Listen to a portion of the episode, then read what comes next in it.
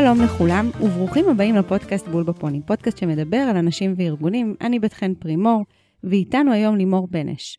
מומחית למערכות יחסים בארגונים, מלווה מנהלים והנהלות בהקשר בין רגש לרווח, ומרצה באוניברסיטת תל אביב לאימון בגישה פסיכולוגית. עוד דבר מעניין על לימור, זה שהיא ממייסדות קהילת אימהות אימהות, קהילה המאחדת בין מאות נשים בארץ ובעולם סביב ערכי היהדות וישראליות, והיום בחרנו אני ולימור לדבר יחד על רגשות ומערכות יחסים בארגונים. שלום לימור יקרה. ברוכה הבאה. שלום בת חן, איזה כיף להיות פה. אני ממש, אפרופו רגש, אני מאוד מתרגשת, בטח בתקופה הנוכחית, שניהול רגשי הולך ונעשה חשוב יותר ויותר. אין ספק שזאת בהחלט תקופה מאוד מאוד רלוונטית אה, למה שאנחנו הולכות לדבר כאן. אז בואי רגע נתחיל אה, מהבסיס. אם היינו משחקות uh, באסוציאציות והייתי אומרת למישהו ארגון, כנראה שהמילה uh, רגשות לא הייתה התשובה הראשונה שלו. תראי, בתחיל האמת שאת יודעת, כמות השעות שאנחנו מבלים בארגון היא, היא אינסופית, ועדיין בארגונים יש משהו שמשדר, תיכנס בדלת ותשאיר את הרגש בחוץ. יש ציפייה לענייניות, לתכלסיות, ליאללה, בוא תדלבר, תביא תוצאות. אבל האמת שאנחנו בני אדם, ואנחנו זקוקים לשייכות, לחיבור, למשמעות. ויש לנו רגשות, ויש לנו מנעד רחב של רגשות, משמחה וכיף והתרגשות, דרך פחד וכעס, ויש משהו בארגון שאומר, תרגיש, אבל אל תרגיש יותר מדי. אל תביא לפה יותר מדי את ה... וואו, את ההתלהבות ואת האהבה. תביא, ואל תביא יותר מדי את הכעס. אתה כועס? סבבה, צא, תעשן בחוץ סיגריה, תחזור. אבל לחדר הישיבות, אל תכניס את כל הרגש הזה. ויש לחץ נורא נורא גדול להחזיק, להדחיק. זה יוצר המון תופעות לוואי. תחשבי על אנשים, למשל, אה, שעובדים עם לקוחות, והם צריכים אה, להחזיק רגשות, ונדרש מהם באמת להכיל הרבה. רופאים שפוגשים אנשים שצועקים, שכואבים, מאוד מאוד קשה להם לצאת בסוף משמרת, ומי יכיל את כל זה? הלחץ בארגונים להביא ביצועים, אה, להחזיק, יוצר המון המון תופעות אה, בהיבט הרגשי. אם, אם הבוס שלי נורא נורא כועס עליי עכשיו ומרים את הכל מולי בישיבה, סביר להניח שזה ילך איתי בבטן, אחר כך שאני אולי אגיע הביתה או שזה יצא במקום אחר.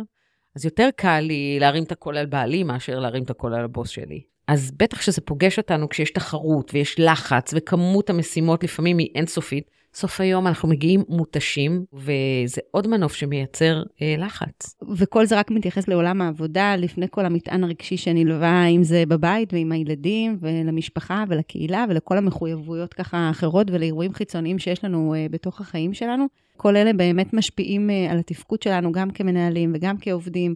וזה הרי לא ריאלי בסוף אה, לצפות מאיתנו, אה, כמו שאמרת, להדחיק ולהחזיק את הכל. אז לפני שככה נצלול לדבר על מערכות יחסים, בואי רגע נדבר באמת קצת על ניהול רגשי, ולמה זה כל כך חשוב. ניהול רגשי זה היכולת והמיומנות של אדם לזהות, להעריך, לנהל את הרגשות שלו, וגם לזהות ולהעריך את הרגשות של האחר. וככל שעובדים ומנהלים יוכלו לפתח יותר את האינטליגנציה הרגשית שלהם, הם יוכלו לנהל את עצמם רגשית טוב יותר. אני מאוד אוהבת את דניאל גולמן שכתב את אינטליגנציה. אינטליגנציה רגשית, שתורגם ל-40 שפות, ויש לו בין השאר מודל שמדבר על שלושה מעגלים. הוא מדבר על ה-inner, mm-hmm. על ה-other ועל ה-outer. ה-inner קודם כל מדבר על עליך, עד כמה אתה מנהל את הרגשות של עצמך, כמה אתה קשוב, כמה אתה אמפתי. אנחנו לא יכולים לנהל אף אחד, אי אפשר לבקש ממנהל לנהל אנשים אחרים, לפני שהוא רגע עוצר לנהל את עצמו. ה-other עוסק בדיוק במקום הזה של לנהל את האחר, אחרי שאני ב-inner אני יכול לנהל את ה... את ה-other, את האחר, לגשת לראות רגע מי עומד מולי, מי הוא סוג הטיפוס הזה, למה הוא זקוק. וה-outer זה בעצם המערכות היותר רחבות, זה יכול להיות על המקום של ההנהלה, על המקום של הלקוחות, על המקום של השוק. זה בעצם הסדר, inner, other ו-outer. אז לעצור רגע מדהים. ולהסתכל על הסדר הזה. באופן טבעי אנחנו מתייחסים לניהול רגשי בעיקר מהצד של אה, רגשות שליליים, אבל uh, יש גם חשיבות לניהול רגשי גם עם רגשות uh, חיוביים. זה לא נדיר לראות אנשים שחוו הצלחה ותחושת uh, המסוגלות שלהם ככה מטפסת, אז מתלוות לזה גם uh, תופעות שליליות, אם זה פזיזות וזכיחות ויהירות, שזה משהו שככה יכול לפגוש אותנו. וגם כאן אנחנו צריכים ללמוד איך להתמודד עם הצלחות כדי uh, להישאר עם הרגליים על הקרקע ולהמשיך ולטפח מערכות יחסים אה, בריאות. מהניסיון שלי, אגב, אה, עם מנהלים ומנהלות בהיבט הזה, אני חושבת שהדבר הכי אפקטיבי כדי להשתפר בניהול רגשי זה מנטורינג או איזשהו ייעוץ אישי, כי בסוף זה מאפשר לנו לקחת פסק זמן, לעשות רפלקציה, לקבל כלים, להכיר את עצמנו. וזה גם יעיל בשביל שפשוט נוכל לפחוק ולנקות את הערובות ולהמשיך הלאה, כמו שתיארנו, לשים בצד את הרגש, או לתת לו איזשהו תהליך של עיבוד ולהתקדם אה, לדבר הבא. אני מאוד מסכימה איתך. את יודעת, יותר ויותר ארגונים היום מבינים את זה ומשלבים בנייה של קהילת מנטורים ומאמנים פנים-ארגונים. ופה באמת באמת אני מזמינה את המנהלים שמקשיבים לנו, רגע, לשים לב כשאתה נמצא מול מנהל, מול עובד, לעצור רגע, לנשום רגע, להסתכל לו בעיניים, לשים לב לשפת הגוף, זה מאוד uh, משמעותי. והמנגנון השעיה הזה, הוא עולה כי ברגע שלא מייצרים אותו, התגובתיות מאוד חזקה ועולה. הגיע אלייך מייל עכשיו, מה זה מעצבן, חבל על הזמן, העיף לך את ה... העיף את הקוף. העיף את הקוף, כן. תקראי אותו, הביא לך את העצבים, האוטומטי, היד נורא קלה על המקלדת, יאללה, להחזיר, לעשות reply, לזרוק את הכדור שלג הזה קדימה, תעצרי שנייה, שימי אותו בטיוטות. לכי תעשי קפה, לכי תעברי רגע למשימה אחרת. תחזרי אליו עוד כמה דקות. יש מודל שאני מאוד אוהבת, שנקרא STOP, שהוא ראשי תיבות. ה-S מייצג stop, קודם כל תעצרי שנייה. ה-T, take notice, תשימי לב. רגע, איזה תחושה עלתה בך? איזה משפט אמרת לעצמך באותה שנייה? נגיד, אה, עוד פעם היא עוקפת אותי בסיבוב? או עוד פעם היא השפילה אותי עכשיו בתוך הישיבה? שמת לב לזה, הכרת בזה? את אומרת, יש לי מחשבה, רגע, זה להפריד את עצמי מהמחשבה. ה-O בתוך ה STOP הוא option. עכשיו תבחרי רגע, מה את בוחרת? ומפה proceed, לעצור, לשים לב, לבחור, להיות במקום בוחר, זה להיות אדם חופשי. מה שמביא אותנו לדבר אה, על הנושא שלשמו באמת התכנסנו. בואי רגע נדבר אה, על מערכות יחסים בארגונים. יאללה, אז מערכות יחסים בארגונים, קודם כל חשוב לזכור שאנחנו תמיד חלק ממערכת, דרך אגב, לא רק בהקשר הארגוני, אבל בארגון אנחנו מדברים על לארגן את האנשים, ואנחנו תמיד שום יעד, אף פעם לא נשיג לבד, למרות שהרבה פעמים אנחנו ככה שוכחים את זה לרגע. ממש. אז אנחנו רוצים בעצם בתוך ארגון לארגן אנשים ככה שיוכלו לעשות דברים שלבד אי אפשר. יש פה הנחת יסוד שאומרת שמערכת יחסים יכולה למצות את הפוטנציאל שלה כשהיא מבוססת על כמה ערכים. כדאי שיהיה בה ערכים כמו שותפות, מחויבות, כבוד הדדי. סובלנות, יכולת רגע לראות אה, זוויות שונות, אפילו בתוכי יש זוויות שונות. היכולת שלנו להקליל סיטואציות, אי אפשר כבר עם כל הכובד הזה. להקליל, להביא קצת הומור, להביא קצת צחוקים. בסוף אנחנו מסתכלים על מערכת היחסים כעל ישות חצי עצמאית, אנחנו משפיעים עליה ומושפעים ממנה. את דיברת על הצלחות ו... והיכולת של מנהל לעצור, דיברת גם על החיוביות, שלא נתאפס פה רק אה, מדברות על, על רגשות שליליים, איך, מה, מה אנחנו עושים. מנהל שעוצר רגע את הצוות, ובתוך ישיבת צוות, לשאול רגע איך אנשים מרגישים, ששמת זרקור רגע על משהו טוב שקרה השבוע, מחמאה שקיבלנו ממישהו, משהו אפילו ממש קטן, אנשים שנשארו שעה נוספת, לעצור רגע ולשים את הזרקור שם. אגב, אני מאוד אוהבת uh, בסבב אצלי להגיד, למה אתה מחכה?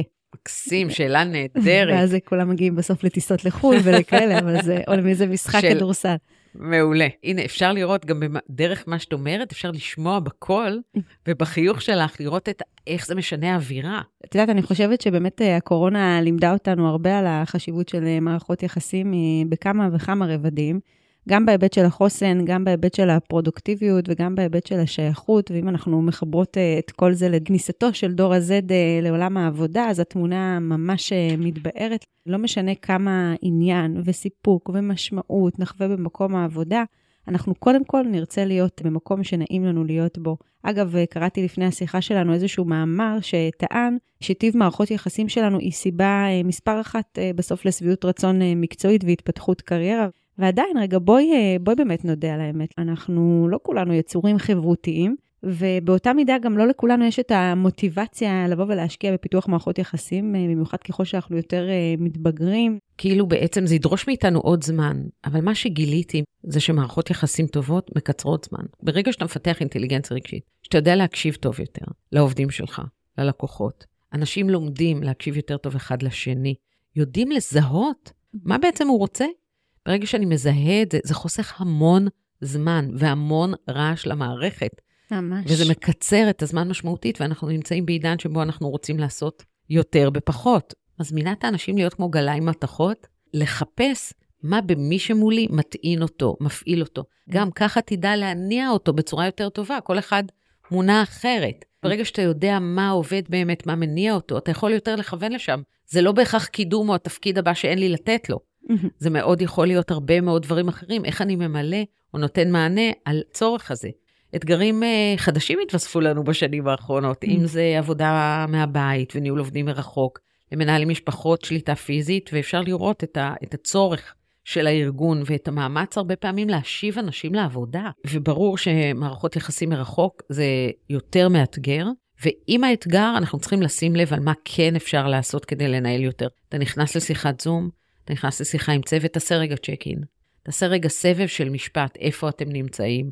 גם שהמנהל ישתף, זה לוקח באמת דקות ספורות, אבל זה נותן לאנשים להיות נוכחים בכאן ועכשיו, וכשהם נוכחים בכאן ועכשיו, זה מקצר זמן. את יודעת מה? בואי נלך לעוד אזור. כמה פעמים ביום הטלפון שלך מצלצל לעומת שלוש, ארבע שנים אחורה?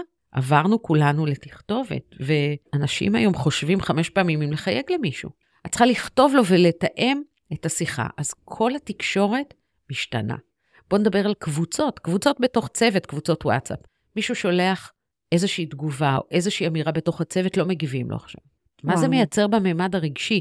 מישהו מאחלים לו יום הולדת, ופתאום מגיעות הודעות אחרות. את יודעת, אחד איחל לו יום הולדת ונכנסו הודעות שלא קשורות. הוא מרגיש שמחקו אותו, הוא מרגיש שלא ראו אותו. זאת אומרת, כל התרבות של הוואטסאפ היא עדיין לא מבוססת ברמת ה... מה החוקים, מה נכון, מה לא נכון, ויש שם המון המון מרחב כאוטי ולא ברור. כשדיברת עכשיו על כל האתגרים, אני חושבת שהחשיבות של מערכות יחסים מתחברת לי מאוד גם עם פיתוח uh, צוותים. כי כדי לבנות בסוף צוותים עם ביצועים uh, גבוהים, דרושים בסוף שלושה צרכים פסיכולוגיים בסיסיים uh, לכל צוות באשר הוא, אם זה אוטונומיה, אם זה מסוגלות, ובסוף גם שייכות.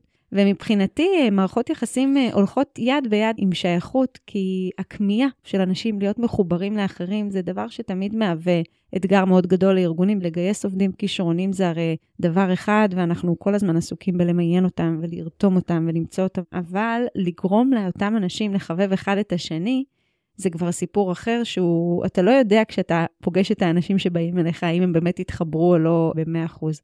בזמן שברור איך מערכות יחסים משפיעות על תחושת השייכות, אני לגמרי יכולה לראות את ההשפעה שלהם על המסוגלות שלי בתוך, אה, בתוך חברת אה, צוות. כי בסוף התמיכה והמשענת שאני מקבלת כחברת צוות מאנשים שסביבי, היא יכולה מאוד אה, להשפיע על תחושת המסוגלות שלי. לגמרי. תראי, הנחת היסוד, או אולי הבסיס, הוא מרחב בטוח. הוא היכולת באמת לאפשר לאנשים בצוות, גם לאלה ששונים ממני, מקום ומרחב להביא את מי שהם ואת מה שיש להם להגיד, ולאפשר מקום לטעויות. שמעתי לא מזמן מאיזה מנהל בכיר ש, שאמר, ברגע שייצרתי את המקום הזה, אולי הוא לא ישתמש בשפה הייעוצית הזאת של מרחב בטוח, אבל ברגע שאני מדבר עם העובד שלי, והעובד שלי מרגיש מספיק נוח לבוא ולספר לי על uh, טעות שהוא עשה, ותוך כדי תנועה אנחנו יכולים לתקן את הטעות הזאת, זה מעיד על זה שהמנהל אפשר מרחב בטוח. מחקר שעשו גוגל על צוות אפקטיבי וגורם מספר אחת, והם שאלו את עצמם מה הם חמישה גורמים לניהול צוות אפקטיבי, וגורם מספר אחת זה, זה מרחב בטוח. היכולת שלי באמת לאפשר לאנשים להביא את עצמם, להביע את עצמם, לתת לכל הקולות להישמע, גם לאלה שפחות נשמעים, לתת מקום כשמישהו עושה טעות, רגע לתת לזה איזשהו מרחב וללמוד ולקחת את זה למקום של למידה והפקת לקחים. ואז אנשים הרבה יותר משתפים, גם בדברים שעובדים וגם בדברים שלא עובדים, ואז זה מאפשר לך לתקן תוך כדי תנועה, אתה לא מגלה כל מיני פילים נסתרים אחר כך ש, שלא ידעת עליהם, שזה מאוד מאוד משמעותי. ואנשים אינטליגנטים מוצאים פתרונות ברגע שיודעים מה באמת. אפרופו מרחב בטוח, יש באמת מחקר אה, מעניין אה, שהראה שדווקא המאמץ אה, של אנשים להיות נינוחים וזורמים, כאלה שאומרים הכל בסדר, אין בעיה, אני זורם, מה שתחליטו זה אחלה, שאגב, הם, הם באמת אה, נורא נעימים לניהול ונורא כיף לעבוד איתם, עובד הפוך אגב אה, מהבחינה הזאת, כי דווקא היעדר דעה נתפסת על ידי אחרים אה, לפעמים כמרחב שלילי יותר, כדעה שלילית שמוסתרת, זאת אומרת פסיב אגרסיב כזה. לאורך זמן ההיעדר דעה הזאת נתפסת כהיעדר של אופי. והדבר הנכון הוא דווקא כן לגבש עמדה אם שואלים אותך מה דעתך, וזו אחריות של מנהלים ומנהלות לבוא ולעודד ולשמש באמת מודל איך להביע את עצמך בצורה בריאה בתוך דינמיקה כזאת של מרחב. לגמרי. הבטחנו בהתחלה, לימור, שנדבר קצת על, על התקופה הנוכחית במדינה. שמייצרת להרבה אנשים אה, מטען רגשי מאוד כבד. אנחנו כמובן לא ניקח פה עמדה לכל אה, כיוון, אבל אני מרגישה שכולם באמת אה, דרוכים כל הזמן, וזה מאוד מאוד נפיץ. בהיבט של מערכות יחסים, איזה מיומנויות מנהלים ומנהלות צריכים כדי באמת לשמור על מערכות היחסים? דווקא בתקופה הזאת שדיאלוג אמור להיות אה, רציונלי, הוא גולש בענק להתלהמות, כש, כשיש נקודות מבט שמתנגשות, והכעס באמת משתלט ואנשים פוגעים אחד בשני. אם אתה בימין, אתה ביביסט, ואם אתה בשמאל, אז אתה פריבילג. וזה עוצר את האפשרות לשיח אינטלקטואלי, ומחקר מאוד מעניין שנעשה לאחרונה באוניברסיטת בית שבאנגליה, השתתפו 333 אנשים, חילקו אותם לדיונים בקבוצות קטנות, והחוקרים תהו מה יכול לתרום ליותר פתיחות בשיח. ומה יכול לתרום ליותר ענווה אינטלקטואלית. את יודעת שאני מתלהם, אני בכלל לא מדבר בכלל, אני מדבר מהמוח הזוחלי ולא מה, ומהאמיגדלה ולא מה, מהמקום של השיח. והסתבר שאם מבקשים מאנשים לפני הדיון להרהר בערכים שלהם, הם יהיו יותר קשובים ופתוחים. אז אם אנחנו לוקחים את זה רגע לעולם הניהול, אז אם מנהלים, ולא רק, רוצים לחבר את העובדים שלהם לערכים, אז כדאי לשאול שאלות כמו, מה באמת חשוב לך, או מה מניע אותך, או למען מה. אז אלה שאלות שבעצם מובילות אותנו לאיתור הערכים. אני אגיד שאם היה לי מזרק דמיוני, שהייתי יכולה להזריק בו רק דבר אחד, לא רוצה להגיד לאנושות, אבל אני אגיד לארגונים, למנהלים, לאנשים בכלל, זה הקשבה, עם כוונה. הקשבה שבה מסתכלים בעיניים ולא מסיטים מבט כל רגע לטלפון, בסוף החשיבות של מערכות יחסים בארגונים מגובה היטב במחקר. מחקרים מראים אה, שלקשרים חברתיים יש תפקיד אה, מרכזי בטיפוח תחושת אה, מטרה ורווח במקום עבודה, והם גם משפיעים על השורה התחתונה. ניהול יעיל של שוק הון חברתי בתוך ארגונים, זה מקל בסוף על הלמידה ועל שיתוף הידע.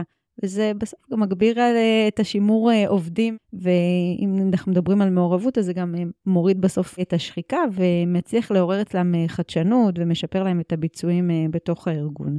איך ארגון בסוף יכול לבוא ולמדוד את ההצלחה, לבנות מערכות יחסים?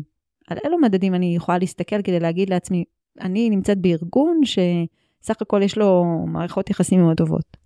תראי, מניסיון שלי אפשר למדוד את uh, כמה סוגיות קונפלקטואליות חוזרות, mm-hmm. וכמה תדירות יש לפיצוצים. Mm-hmm. אמר לי מנהל שהוביל תהליך כזה, ומאוד הצליח בו, הוא אומר, פעם הייתי מסתובב עם מטף כיבוי אש על הגב כל הזמן, עכשיו אני כמעט לא צריך להוציא אותו. לקחת את הנושא של מערכות יחסים ולהביא אותו למרכז, מתוך הבנה שזה מביא תוצאות עסקיות. הוא בדק גם מה קורה עם שביעות רצון הלקוחות.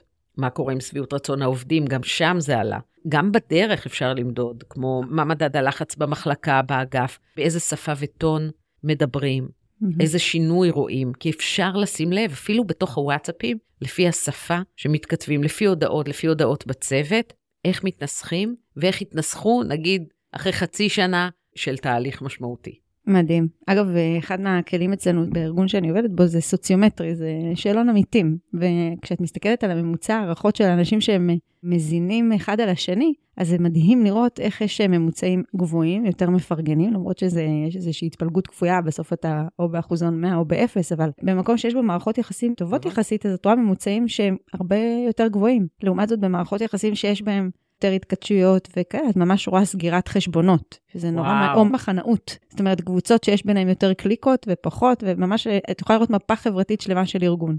וואו, זה נשמע לי מרתק, את יודעת, מההיבט הסוציולוגי. האם יש בסוף איזה שהן שיטות אה, עבודה או אסטרטגיות מומלצות אה, ספציפיות שאת ככה ממליצה לארגונים שמעוניינים אה, לשפר את יכולת בניית הקשרים שלהם? הכל מתחיל מההבנה שיש קשר הדוק בין התוצאות העסקיות למערכות יחסים כאסטרטגיה. זאת אומרת, אם ההנהלה מבינה את זה כאסטרטגיה ושמה את הזרקור על טיוב מערכות היחסים בין לקוחות ועם לקוחות ועם פנים ארגוני, התעדוף יקדם את זה. פיתוח תפיסת ניהול אה, EQית, אני אגיד, של אינטליגנציה רגשית יישומית, ללמד אותה, להטמיע אותה בתוך הארגון. אז אנחנו מתחילים קודם כל להבין את הלמה. למה מערכות יחסים? למה זה בכלל חשוב? עד כמה זה חשוב, איך אנחנו הולכים לעשות את זה כאסטרטגיה כארגון, ומה בדיוק אנחנו הולכים לעשות, אוקיי, באיזה אזורים, וחשוב שהמדדים יהיו מחוברים לשם. חלק מהתפיסה זה להטמיע מיומנויות של הקשבה, של סקרנות בקרב המנהלים. מבחינת מיומנויות אפשר ללמד מיינדפולנס או כלים שמאפשרים ויסות רגשי. הרי זה לא הכל עניין של בחירה, אנחנו בסוף פועלים על פי טייס אוטומטי, אז כמו שדיברנו קודם ככה לפני, לשים לב אפילו למה קורה לנו בגוף. להישענות, לישיבה שלנו, לנשימה שלנו, תוכניות של mentoring וקואוצ'ינג שמשתלבות אחת בשנייה. להכשיר אנשים בתוך הארגון, לא צריך כל כך הרבה מבחוץ. נכון. ברגע שאתה מייצר קהילה שהיא נבנית ומעבירה את זה מאחד לשני, אז אתה מבסס ארגון שיש בו חוסן בהיבט הזה, האישי, הבין-אישי, ואתה מפתח קהילה ש, של אנשים שגם טוב להם, הם גם מרגישים משמעות. המקום של להיות מנטורים זה לא רק לתת, זה מאוד מאוד לקבל את זה. אני רואה את זה בין רופאי משפחה ובארגונים פיננסיים והרבה מאוד אה, מקומות שבהם אני אה, מנחת תהליכי mentoring, זה מוסיף ערך בלתי רגיל לארגון. לוקחת בשתי ידיים, ואני חושבת שההמלצה הכי טובה שלי, יש להגיד, אה, בהיבט הזה של אה, חיזוק מערכות יחסים בארגונים, היא ממש אה, פשוטה, פשוט תרימו טלפון. כשהתקשורת כתובה כמו וואטסאפ ו-Slack ומייל, היא הנורמה לתקשורת בין צוותית לעבודה. שיחת טלפון, יש משהו בה שהיא מחזקת את המערכות היחסים. זה כמו שיש לי, לא מזמן היה יום הולדת למישהי מאצלנו והתקשרתי, הייתה עמומה. אתה יודע, פשוט היה לי חשוב לדבר איתך, כי לא משנה כמה אימוג'ים הייתי משאירה בתוך הקבוצה, זה לא היה מקבל את אותו אה, תוכן.